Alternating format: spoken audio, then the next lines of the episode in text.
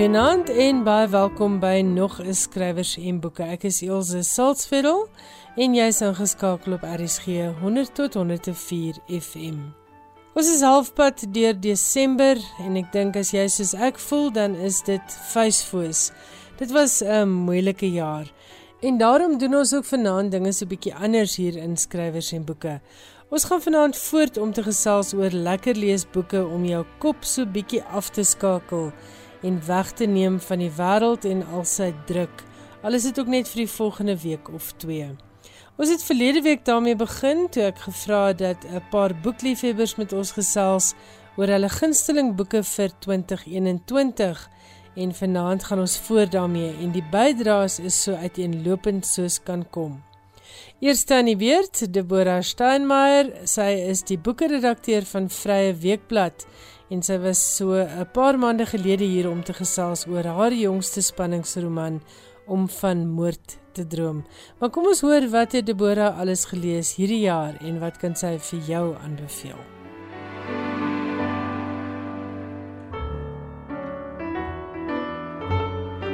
...2021 was 'n goeie jaar vir lesers. Miskien het verlede jaar se inperking skrywers se boude op stoele gehou. Ek het lekker gelees te veel om hier te noem, maar as ek terugkyk is daar 'n paar bakens wat uitstaan. Wat betref oorseese boeke, beslis die Dictionary of Lost Words van Pip Williams, nog 'n debuutroman. Dis een van daardie boeke wat mens van voor af verlief maak op woorde.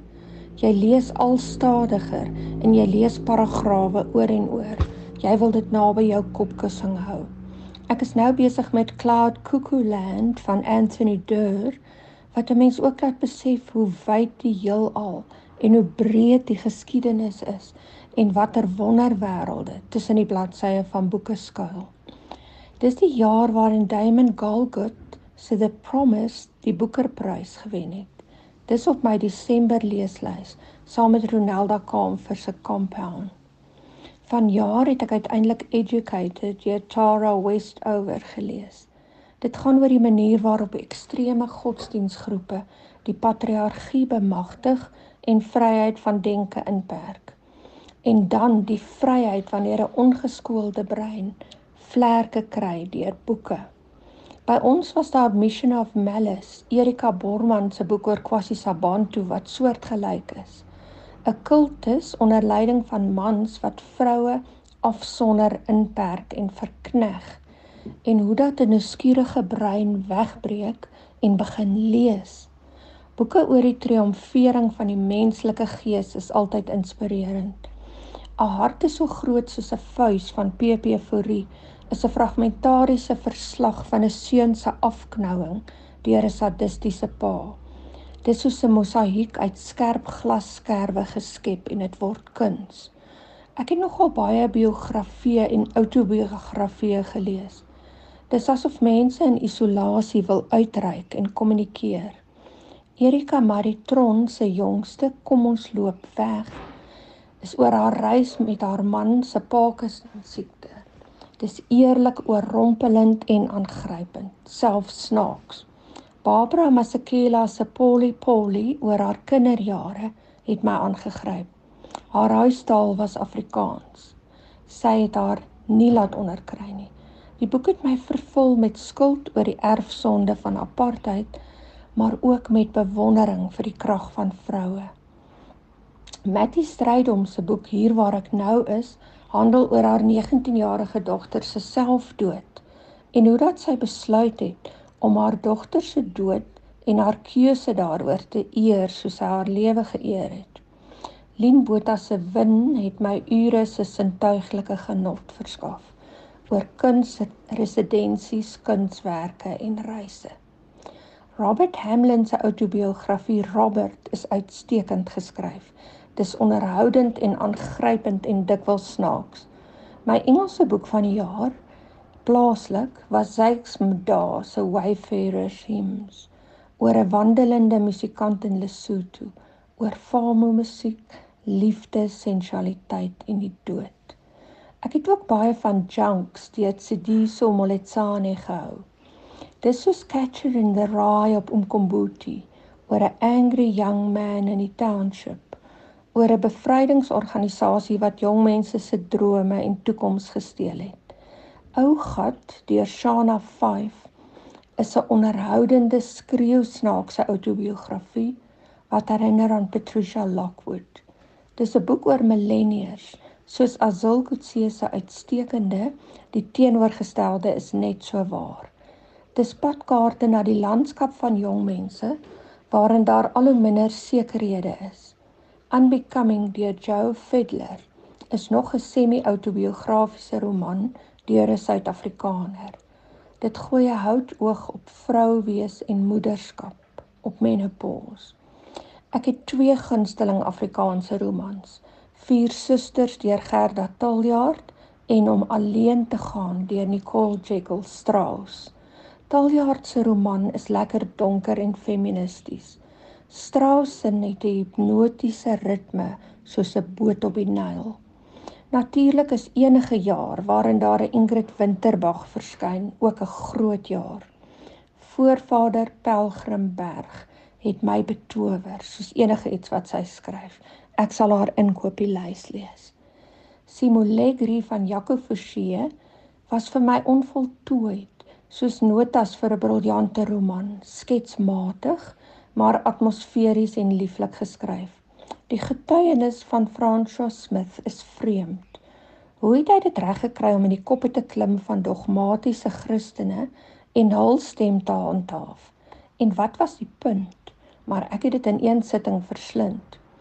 Ek is lief vir kortverhale en Dol Heuning van SJ Nudee het my uitgeknikker. Die verhale speel in onherbergsame landskappe af maar geen landskap is so ver en woes geleë soos die menslike siege nie. Hy gool met Afrikaans. Nog 'n bundel wat ek weer en weer sal lees, is Frederik de Jager se debuut Man op 'n fiets eers heen. Dit handel oor eksentrieke mense, maar is ook 'n verskuilde outobiografie. Tussen die reëls loer 'n skaambegaafde seun uit.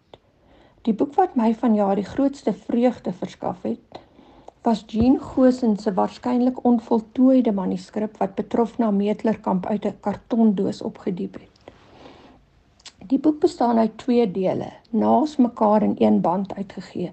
Sneeu in die Karoo deur Jean Gosen saam met Agnes se stories deur Agnes Maraal. Dit was 'n onverwagse passella om weer tyd in Jean se woelige, gefolterde kop deur te bring. Ek lees min nie fiksie, maar Renaldo Schwartz se skeef wat jy van LGBTIQ wees wil weet, is 'n lekker informatiewe gids met insette van kenners. Ek was ook vasgenaal deur Pieter van Sail se verhale van hoop. Mense sukkel toenemend met depressie en geestesongesteldheid. Hier is raad, praktiese wenke en fascinerende gevalle studies. Nou het ek nog nie eens by digkuns uitgekom nie. Louise Gluck, Eddie van Vliet, Hilda Smits, Dominique Botha was hoogtepunte. Lekker lees. Baie dankie vir jou boekinsigte Deborah Steinmeier. Sy is die boekredakteur van die Vrye Weekblad. Skrywers en boeke. Elke Woensdag aand tussen 8 en 9. Nou is dit weer Phyllis Green se beurt. Gereelde skrywers en boekeluisteraars sal weet dat ek minstens 2 keer 'n jaar vir Phyllis nooi. Sy is die Sari boekeredakteur en sy lees baie en sy lees wyd. En daarom het ek haar gevra om vanaand met ons te gesels oor internasionale lekker lees romans. Goeienaand Phyllis, baie welkom nog 'n keer. Goeienaand Ilse. Vanaand wil ek 'n bietjie gesels oor die lekker leesverhale wat ek in Engels gelees het hierdie jaar, aangesien die vakansie om die draai is en juis omdat ek so 'n paar weke gelede met vakansie was, ehm um, kan ek ook 'n bietjie vertel van die boeke wat ek toe gelees het. Nou my gunsteling manier om vakansie te hou is is om op al die agterpaadjies van ons land te ry en by die klein dorpies en plekke aan te gaan En toe het ek Immortel se nuwe roman The Lincoln Highway ingepak wat natuurlik ook oor 'n reis gaan. Nou hierdie storie speel af in 1954 en die hoofkarakter daarvan is Emmett Watson. Hy's 18 jaar oud en hy was gefonnis om op 'n werkplaas te werk omdat hy per ongeluk um, iemand se dood veroorsaak het. Nou die storie begin waar hy na sy ontslag op sy familie se bankrotplaas afgelaai word. En sy plan is om net sy 8-jarige boetie Billy op te laai en dan met sy blou 1948 Studebaker Land Cruiser na Kalifornië uit te wyk waar hy nou 'n nuwe lewe wil begin. Toe kom hy agter maar sonder dat hy en die werkplaas opsigter geweet het wat hom kom aflaai het, het twee van sy vriende wat ook op die werkplaas was, Willie en Duchess, in die kar se kattebak weggekruip en is hulle nou ook hier op die plaas in Nebraska. Nou hierdie onaangename verrassingkie veroorsaak toe nou dat hulle ongevraagd in Emmet se lewe inmeng. Hulle plan is heeltemal anders as wat hy het. Hulle wil in die teenoorgestelde rigting na New York reis. Die storie speel af oor net 10 dae en dit word vanuit al die verskillende karakters se perspektiewe vertel en is regtig nogal 'n 'n dramatiese storie. Interessant genoeg die Lincoln Highway begin in New York en strek dan van die ooste reg oor Amerika na die weste waar dit eindig in San Francisco. Nou wat Tels in hierdie boek doen, is hy ondersoek op 'n baie interessante manier reg en geregtigheid en die etiese waardes waarvolgens mense leef. Ehm um, dit was regtig vir my 'n lekker leesverhaal. Immortals The Lincoln Highway word uitgegee deur Hutchisons Heinemann en dit word plaaslik versprei deur Penguin Boeke. Nou die ander boek wat my hierdie jaar regtig verstom het, was Pip Williams, die Australiese skrywer se boek The Dictionary of Lost Words. Vir my belangstel in woorde was dit regtig baie interessant want sy vertel die storie van hoe die Oxford English Dictionary saamgestel is. Nou dit klink verskriklik vervelig as 'n mens dit net so sê, maar dit is baie interessant om te lees want dit wys hoe die werk aan die woordeboek spesifiek eintlik net deur mans gedoen is en hulle het die mag gehad om te besluit watter woorde mag in en watter nie. Nou Die feit het Williams laat wonder of die woordeboek dan verteenwoordigend is van al die woorde wat vroue gebruik. En toe sy nou begin navorsing doen het oor die Oxford English Dictionary, het sy 'n storie uitgedink, 'n fiktiewe verhaal wat toe nou gegrond is op van hierdie ware gebeure. Nou die storie word vertel uit die oogpunt van Esme en ons leer ken haar as 'n klein dogtertjie. Haar pa was een van van die mans wat aan die woordeboek gewerk het. Sy sit dan uh, ons leer haar ken as as 'n dogtertjie waar sy onder die sorteertafel in die skriptorium of skrippie soos wat hy, sy dit in die boek noem, um, sit. Dis maar eintlik net 'n tuin in Oxford wat gebruik is waar die woordeboek saamgestel is. Nou dan deur haar oor sien ons hoe die woorde gekies word. In 1901 is regtig ontdek dat die woord bondmaid nooit in die eh, woordeboek ingesluit is nie en dit is dan die raaisel waarom Pip Williams se storie draai. Dis regtig 'n heerlike leesverhaal. Ek het dit verskriklik geniet juis vir die interessante geskiedkundige agtergrond maar ook vir die karakters wat vir my baie goed beskryf is en dan die lieflike liefdesverhaal wat deel van die van die verhaal uitmaak. So the Dictionary of Lost Words word deur Chatto and Windus uitgegee en dit is ook 'n afdeling van Penguin Books. Nou vir mense wat hou van spanningsverhale, het ek 'n ongelooflike nagmerrie van 'n verhaal gelees. Ek kon nie ophou lees nie en die roman se naam is Call Me Mummy en Tina Baker het dit geskryf. Nou sy vertel die verhaal van 'n ma wie se kind ontvoer is, ek dink is enige ma se grootste nagmerrie. Nou Byker skryf die verhaal van uit die oogpunt van die vrou wat die kind ontvoer het en dan ook die oogpunt van die vrou wie se kind dit is wat ontvoer word. Die vrou wat die kind ontvoer het, leer ons ken as glamorous mommy. Nou sy het alles in die lewe buite die een ding wat sy regtig haar hele lewe voorsmag en dis 'n kind.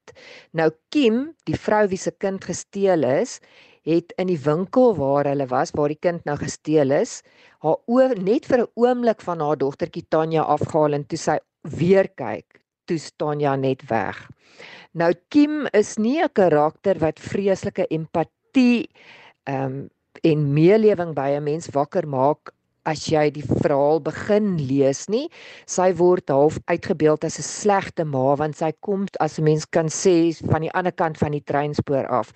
En sy is 'n baie rowwe diamant. So sy word op sosiale media dan ook as 'n skammy mammie uitgekry. Nou wat vir my kouerlings gegee het soos die gebeure ontvou het is dat my emosies wipplank gery het tussen die twee ma's. Eers het ek kant gekies vir glamorous mammie en dan het ek kant gekies vir skammy mammie.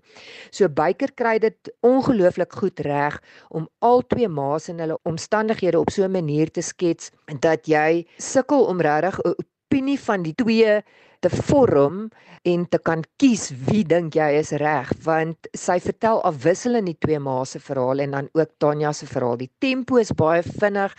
Die die spanning is regtig snaarstyf en mens moet lees tot op die laaste blad want dit is 'n uitstekende sielkundige thriller.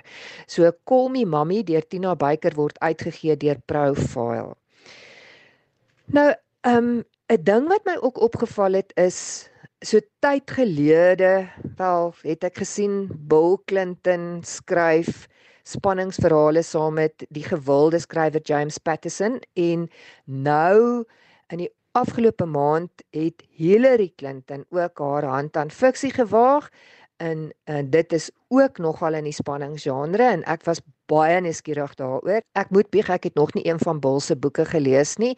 Um, ek sal nog eendag daarby uitkom maar Hillary se boek is geskryf saam met Louise Penny. Nou hierdie skrywer is een van my gunsteling skrywers. Sy skryf 'n reeks spanningsverhale waar daar 'n uh, hoofinspekteur Gamache in voorkom en ek kan nooit wag as daar 'n nuwe Gamache boek op die rak is om dit te lees nie. So ek was regtig nuuskierig om te sien hoe Hillary en Penny saamgewerk het met hierdie misdaadverhaal. Hierdie verhaal se naam is The State of Terror en dit is 'n baie aksiebelaaide verhaal en dit gaan oor 'n terreuraanval wat gemik is op Amerika maar bomme word in verskeie Europese lande ook geplant.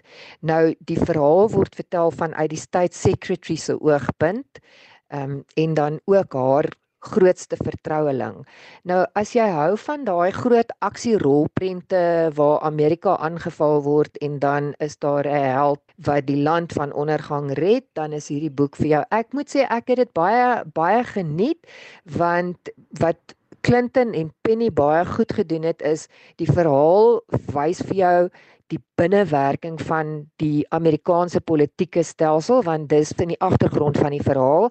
So daai is vir my baie geloofwaardig en dan vir my die vriendskap tussen die state secretary en haar vertroueling wat haar dan nou ondersteun uh, in uh, haar onderhandelinge waar sy nou die land moet red van ondergang was baie geloofwaardig uitgebeeld. So so dis 'n regtig 'n ontspannende aksieverhaal wat opbou die heeltyd tot 'n klimaks en dan is daar 'n baie interessante einde. Nou mense wat hou van ander soortige spanningsverhale kan dan ook gerus Richard Osman, die TV-aanbieder se boeke The Thursday Murder Club and The Man Who Died Twice lees. Dis uh, die Britse skrywers het vir my nogal 'n ander manier om spanningsverhale te skryf as die Amerikaanse en die ander Europese skrywers. So dit uh was vir my baie lekker om sy boeke te lees want sy manier van kyk is net was net vir my interessant. Dis nie verskriklik vinnige aksie wat gebeur nie. Dit is die vertelstyl wat dit vir my regtig verskriklik lekker maak. Dan die ander TV-aanbieder na wie luisteraars gerus ook kan kyk, is die kletskoning Graham Norton. Hy is regtig 'n baie goeie fiksieskrywer. Ek het nou al 'n keeper en homestretch deur hom gelees en daar's altyd 'n interessante kinkel in die kabel. So mense wat hou van intrige kan dan Richard Osman se boeke en Graham Norton se boeke lees vir ontspanning het ek 'n paar lekker romans, romantiese verhale gelees. In die eerste een is regtig 'n ligte en vermaaklike verhaal, tog is daar dieper temas wat aangeroer word. Die boek se naam is Uncoupling en Lorraine Brown het dit geskryf. Wat gebeur is 'n verliefde paartjie, Hannah en Simon, is op 'n romantiese treinrit. Hulle gaan na 'n troue toe in Amsterdam. Dis 'n oornagtrein. In die nag skuif Hannah na 'n stiller gedeelte van die trein want sy kry nie geslaap nie en dan word sy wakker die volgende oggend in Parys en nie in Amsterdam nie. Haar bagasie is saam met haar geliefde Simon in Amsterdam en sy is in Parys. Toe sy nou op die uh, platform um, van die stasie kom, toe is daar 'n mede-passasier met die naam van Leo wat sy op op die trein ook raak geloop het. Hy is toe nou ook in die verkeerde deel van die trein, maar hy is 'n Parysenaar toe besluit hulle om die dag saam te spandeer want hulle kan eers die aand weer 'n trein haal na Amsterdam. Nou hierdie dag begin baie dramatiese gebeure in in Hannah se lewe. Ehm um, en mense moet maar self lees as hulle wil weet wat verder gebeur het. Ek het toe Daisy Jones in the Six uitgekom het, geskryf deur Taylor Jenkins Reid dit gelees en dit ongelooflik geniet tot so 'n mate dat ek eintlik gaan Google het om te sien of die band waaroor sy geskryf het regtig bestaan. Nou uit haar pen uit is 'n nuwe verhoudingsroman, Malibu Rising. Dis 'n spanningsvolle familiedrama en sy kyk ook na onverwagse vriendskappe en verhoudings wat wat familie wat families bind en hoe lojaliteite is. Ek wil nie die storie weggee nie want ek dink mense wat net hou van dramatiese familie verhale kan gerus Taylor Jenkins Reid se boek Malibu Rising optel. Nou 'n nuwe ehm um, skrywer wat ek vir die eerste keer gelees het, is Sarah Nishia Adams en haar boek se naam is The Reading List. Nou dit gaan oor 'n vriendskap tussen 'n ouer man wie se vrou oorlede is wat 'n baie getroue lid van die plaaslike biblioteek was en sy vriendskap ontwikkel met 'n jong meisie wat in die biblioteek werk wat eintlik nie daar wil wees nie maar hy het haar toe gevra om vir hom aanbevelings te maak van wat hy kan lees. Dis regtig 'n baie menslike verhaal wat net wys as 'n mens 'n bietjie empatie het met mekaar hoe mens wees net fantasties kan wees en natuurlik hoe belangrik aktiewe biblioteke in 'n plaaslike gemeenskap is. So ek dink daar het ek nou vir jou 'n hele klompie boeke oor klompie boeke vertel. Ehm um, daar's natuurlik 'n spul ander wat ek nie oor kan praat nie want o anders te raak dit te lank, maar ek hoop lesers geniet van die boeke wat ek hierdie jaar gelees het. En dit was Phyllis Green, Sari se boekredakteur. Phyllis gaan volgende Woensdag aand weer met ons kom gesels en dan gaan sy gesels oor koffietafelboeke, selfhelpboeke en kookboeke. So maak seker jy luister saam as jy dalk nog Kersgeskenk idees kort. Ons gesels vanaand met skrywers en ander boekemense oor hulle gunsteling boeke vir 2021. En nou is dit Bettina Weingart se beurt om oor haar boekjieses te gesels. Bettina is 'n bekende skrywer. Sy het alreeds 3 romans op haar naam. Twee daarvan is spanningsromans en haar nuwe fiksieboek Onverskrokke vroue het in 2021 verskyn.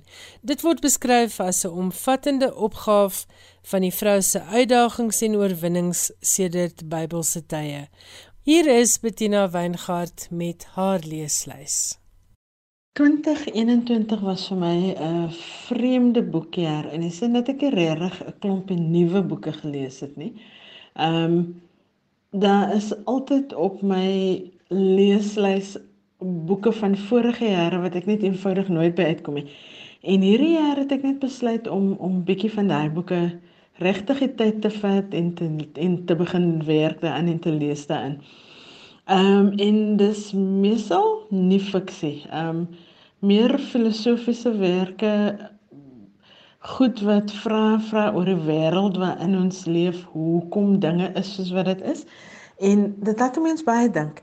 Ehm um, die die een wat ek eers wil noem is Arundhati Roy se Azadi wat oor die kwessie van kolonialisme en meer in Indië gaan. Ehm um, sy het 'n ongelooflik interessante manier om te kyk na die wêreld rondom haar. En Azadi is so 'n toonbeeld van haar filosofiese uitkyk op die lewe. Dan is daar Yuval Harari se 21 Lessons for the 21st Century. Ook baie filosofies, nie die tipe van boek wat 'n mens as 'n ligte leesding in een sitting gaan deurlees nie. Jy moet bietjie dink oor wat Harari sê. Ehm um, en ongelooflik weer eens ongelooflik interessante perspektief wat openbaar word. Ehm um, die enigste digbundel wat ek het, die enigste Afrikaanse boek ook in my lys is Eentjie Krog se 'n vry vrou. Ehm um, ek is mal oor Krog se gedigte. Sy en Ronalda Kamfer en Jolyn Phillips natuurlik is my drie gunsteling Afrikaanse digters. Ehm um, 'n vry vrou is vir my 'n bietjie 'n ander inslag as 'n gewone digkuns. Ehm um, maar steeds compelling soos wat krog nou maar net eenmal kan wees. Ek het ook hierdie jaar 'n klompie ehm um, dit voel bietjie soos 'n cheat, maar ek het van Penguin se mini boekies begin lees. Ehm um, en daar's 'n verskeidenheid wat min of meer dieselfde tema het op die ou end. Um, there's Martin Luther King Jr.'s A Letter from Birmingham Jail, James Baldwin's A Dark Days, um, Albert Camus' Creating Dangerously, en dan Toni Morrison wat oor reis praat. Nou behalwe vir Morrison wat so 150 dink ek bladsye is, die ander is so tussen 30 en 50 bladsye, so dis dis goed wat 'n mens redelik vinnig kan lees, maar wat nog steeds die essensie van wat die skrywer probeer oordra ehm um, vasvat. En natuurlik almal van hulle op een of ander manier gaan oor rasseverhoudinge, soos wat Azadi ook eintlik mag gaan. Um, en ja, dis dis dis die interessantste boeke wat ek hierdie jaar gelees het. Daar's natuurlik 'n klompie ander. Um, maar mense lees goed en jy vergeet van die goed en sommige van die boeke wat jy lees, dink jy kon jy eintlik my tyd beter bestee het. Maar hierdie boeke wat ek nou net genoem het is die die die boeke wat vir my uitstaan omtrent my leeslys vir hierdie jaar. Baie dankie Bettina Weingart.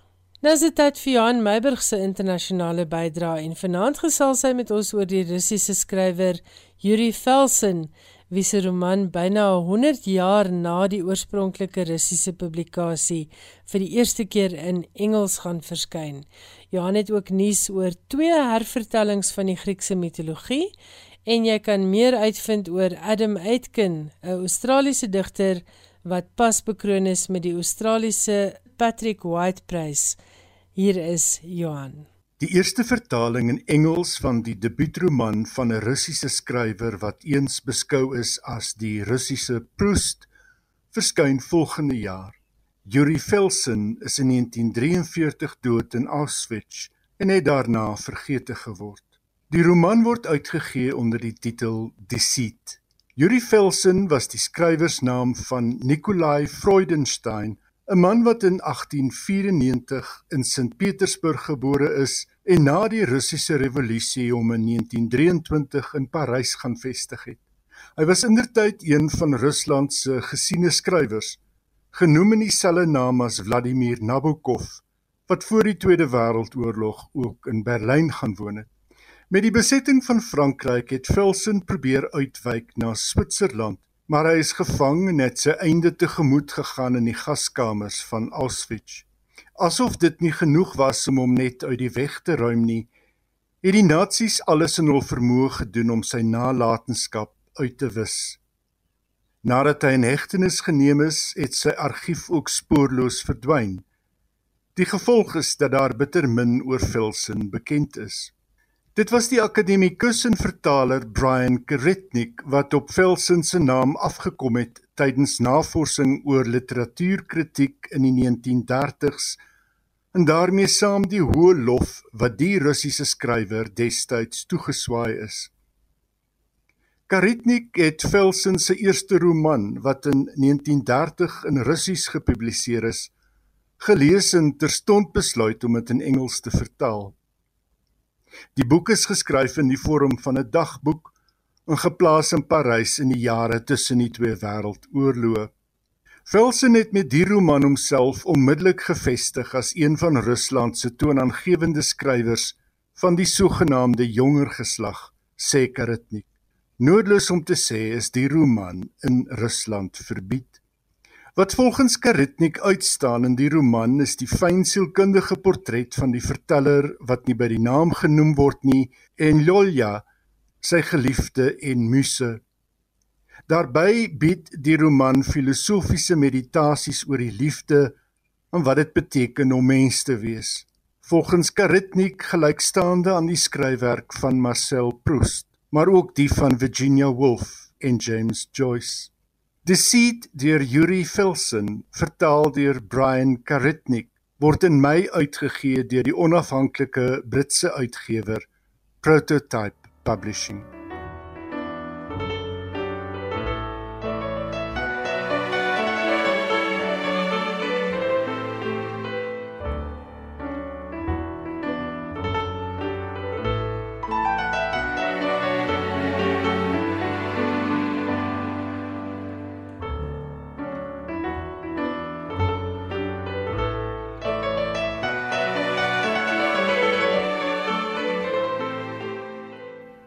Eeue het die Griekse mitologie nie net behoue gebly nie, maar het die verhale in die boekwêreld male sonder taal gesorg vir nuwe vertalings met verklarende aantekeninge, verwerkings en gepopulariseerde weergawe.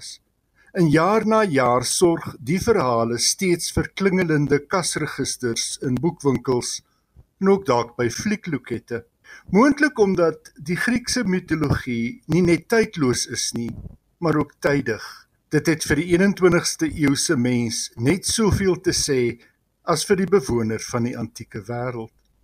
In navolging van Pat Barker en Madeline Miller se benadering tot die Griekse mitologie, het daar pas twee hervertellings verskyn.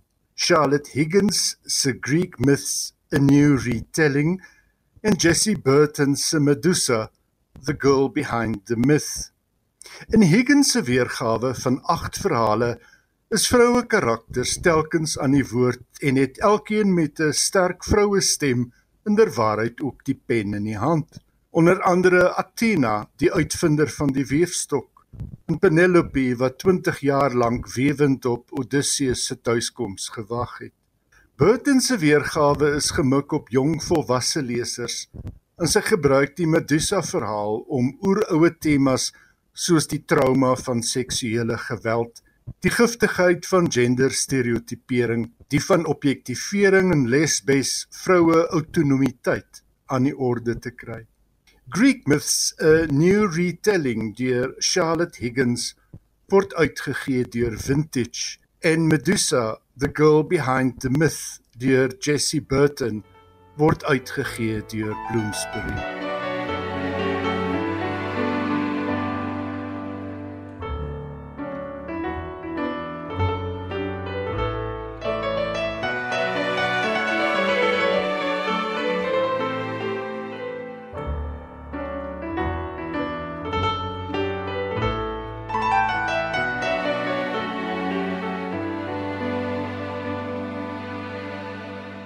Adam Aitken, 'n Australiese digter wat in Londen gebore is, het pas die Australiese Patrick White Prys ontvang.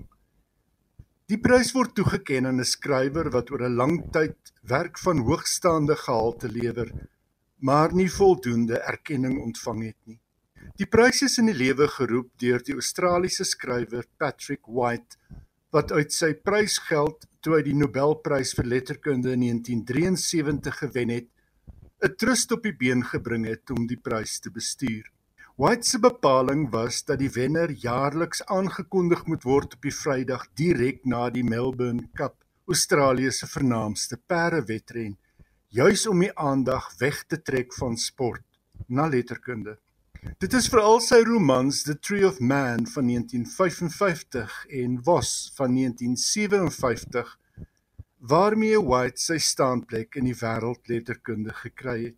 By die toekenning van die Nobelprys het die Sweedse Akademie hom destyds aangeprys vir sy autentieke stem wat reg oor die wêreld dra. Nietemin was dit sy onvleiende uitbeelding van die Australiese samelewing wat daartoe bygedra dat White in Australië nie die aansien verwerf het wat hy wel in die buiteland gehad het nie.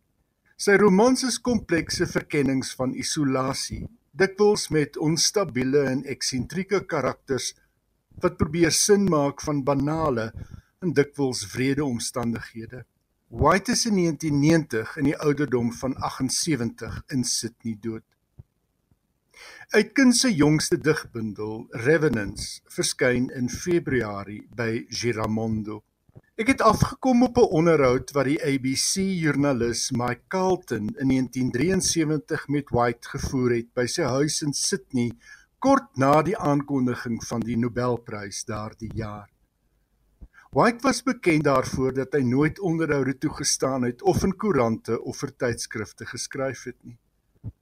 En duidelik was White nie die maklikste man om 'n onderhoud mee te voer nie. Luister en oordeel self.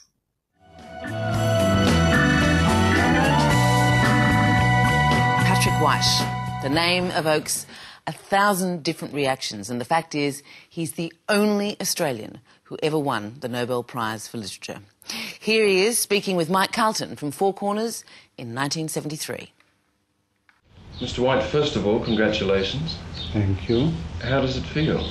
That's the obvious question, but how does it feel? Oh, rather bewildering. I've had my door battered on half the night by the press. And by the. Uh, well, I don't know who else because I didn't go down. I'd taken a sleeping pill and gone to bed.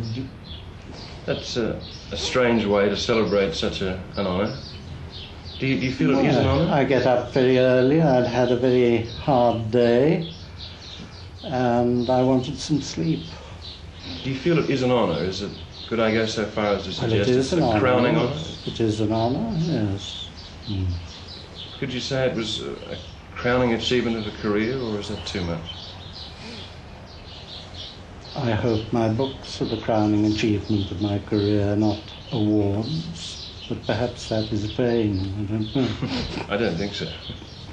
Which book, perhaps? Oh, I don't know. One has one's favourites, but whether they're the best, the best, I don't know. Can I ask which one's the favourite then? I think the Solid Mandala probably, or mine. the Aunt story. That's mine too, the Solid Oh, Mandala. mm. It's um, been something of a cultural week for Sydney this week. Yes. Um, see any significance there in the fact that you may have won a Nobel Prize in the week the Opera House is opening? Is the thing getting better? Perhaps it attracted their attention. You think so? Is um, is Australia getting a better place to live because of all this sort of thing? What is that? I remember when I first interviewed you some oh, about a year ago. You said that you no longer wanted to live in Sydney, that you're thinking of moving to Adelaide. Does that still apply? I can't see much improvement in Sydney, I must say, but I shall continue to live here because uh, I feel one has to fight certain elements in the place. What sort of elements? Oh, I don't think I want to go into that. Might become too personal. Did you mean political elements or social elements? Or... Political, social, uh, the development of Sydney, I think, is. I think Sydney is being developed in all the wrong way. What, Tall skyscrapers and all Hmm. that sort of thing. Yes. Would you ever think of going back overseas again? Not by now, because um, I'm too old. I Can't believe that. You're looking very chipper, actually. you spent a lot of your time in England, Mhm. yet your books are Australian. How did, how did you manage it? Because I suppose it's in my blood. You feel that? Yes, my heart isn't altogether here. I think my heart is in London, but uh, my blood is Australian. There's, there's been a lot of talk, and it may just be talk, of a sort of renaissance of Australian nationalism and so on. Mm. Do you think there is one? If so, is it, is it a reasonable one, or is it just so much chauvinism?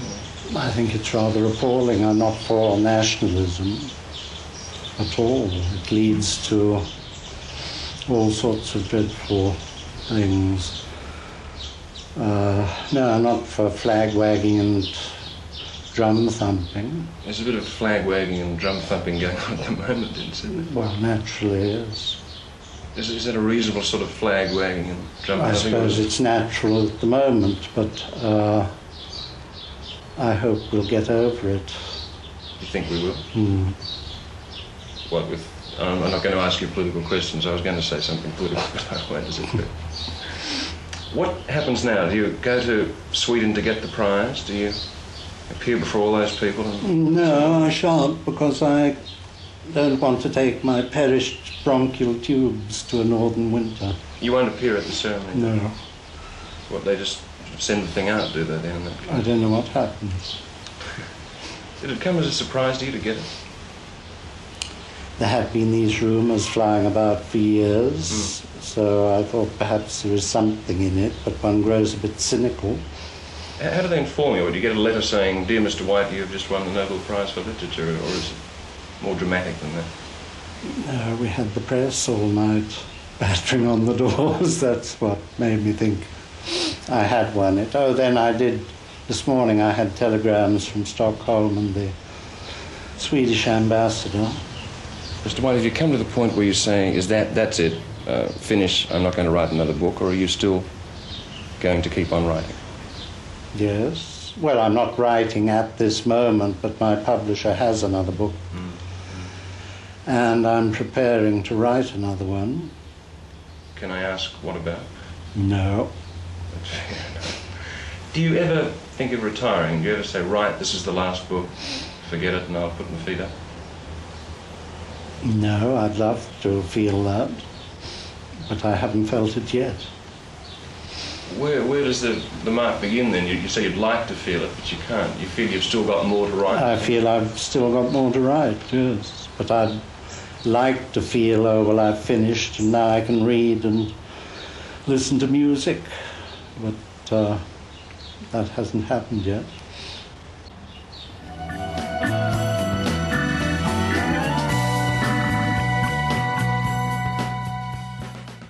Dit was Johan Meiburg se internasionale bydrae wat hy afgesluit het met 'n onderhoud met die Australiese skrywer Patrick White. Hy het in 1973 die Nobelprys vir letterkunde gewen en daarmee 'n prys in die lewe geroep wat verlede week toegeken is aan Adam Aitken, 'n Australiese digter. Dit bring ons nou aan die einde van vanaand se aflewering van Skrywers en Boeke. Ek hoop jy het 'n hele paar goeie boeke om by jou geskenk of leeslysie te voeg.